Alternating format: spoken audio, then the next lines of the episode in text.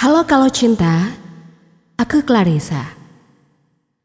Terima kasih engkau telah menjadi ruang untukku berbagi. Aku menyadari bahwa kisahku ini adalah sebuah rahasia.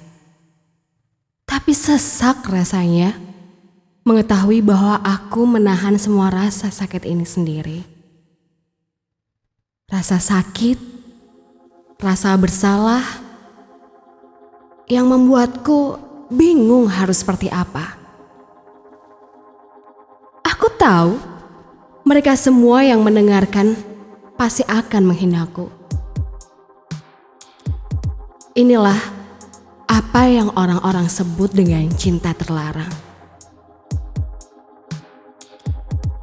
Setahun setelah kepergian bapak dan ibu, Ci Elin mengajakku untuk tinggal di rumahnya. Katanya supaya aku tidak sendirian dan aku bisa konsentrasi menempuh ujian sekolah. Aku pun setuju untuk pindah ke rumahnya. Meski aku adalah adik kandung Cielin, aku tidak duduk manis di rumahnya. Aku mencoba membantu pekerjaan rumah sebisaku. Mulai dari menyapu, mengepel, juga mengasuh keponakanku kala Cielin bekerja. Suami Cielin Koko Bayu, kakak iparku adalah pekerja yang sangat sibuk. Pagi pukul 7 dia sudah berangkat dan baru jam 9 malam pulang ke rumah. Karena jam masuk sekolahku juga pagi, Cielin sering meminta suaminya untuk mengantarku sekalian pergi ke sekolah. Daripada aku harus naik kendaraan umum yang membuatku terkadang terlambat ke sekolah. Di dalam mobil, Seringkali aku dan Koko Bayu diam selama perjalanan. Entah kenapa, aku masih saja kikuk dan menganggap kakak iparku itu orang lain. Namun lambat laun, suasana menjadi lebih mencair. Momen berangkat sekolah sering kami jadikan untuk bercerita berbagi kegelisahan kami berdua.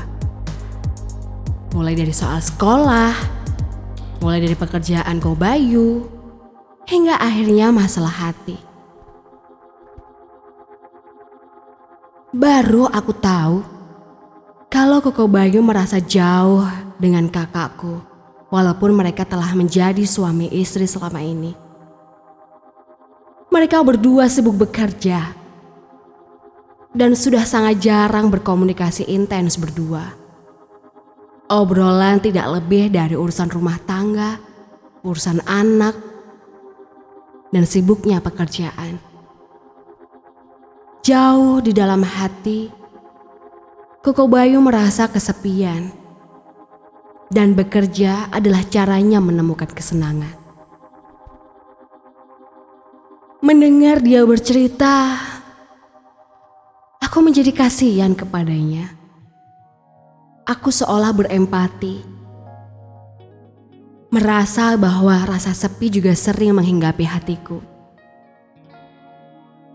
Aku merasa menemukan seseorang yang memiliki satu frekuensi yang sama dalam kesendirian yang kami rasakan. Dari rasa empati, aku seperti memiliki sebuah dorongan untuk menjadi seseorang yang bisa menemani Koko melewati kesendiriannya. Aku berusaha menjadi temannya bercerita. Hingga tidak terasa, kami menjadi begitu dekat. Dan rasanya aku mulai merasakan hal lain. Apakah kamu bisa memahami aku? Terserah kalau misalnya pendengar mau mencaci makiku. Terserah.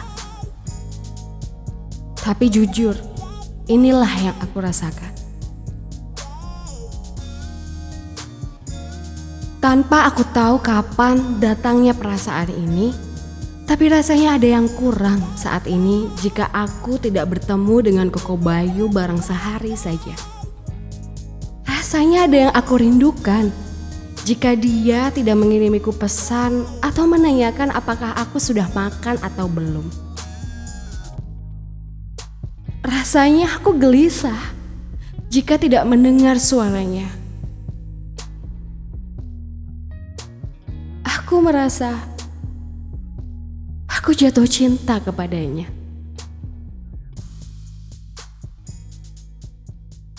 Hai Clarissa, terima kasih untuk kamu yang sudah mengirimkan cerita di Kalau Cinta.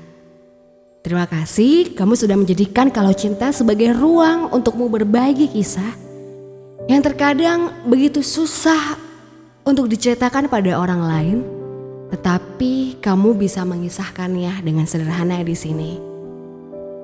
Buat kamu pendengar Kalau Cinta, kamu bisa juga mengirimkan kisahmu, apa pun itu, curahan hatimu, kegelisahan hatimu melalui email di kalaucintapodcast@gmail.com. Dan kamu bisa juga mengirimkan kisahmu melalui DM akun Instagram di @neriza. Sampai ketemu di kisah kalau cinta berikutnya. Sarah Neriza pamit. Sampai jumpa.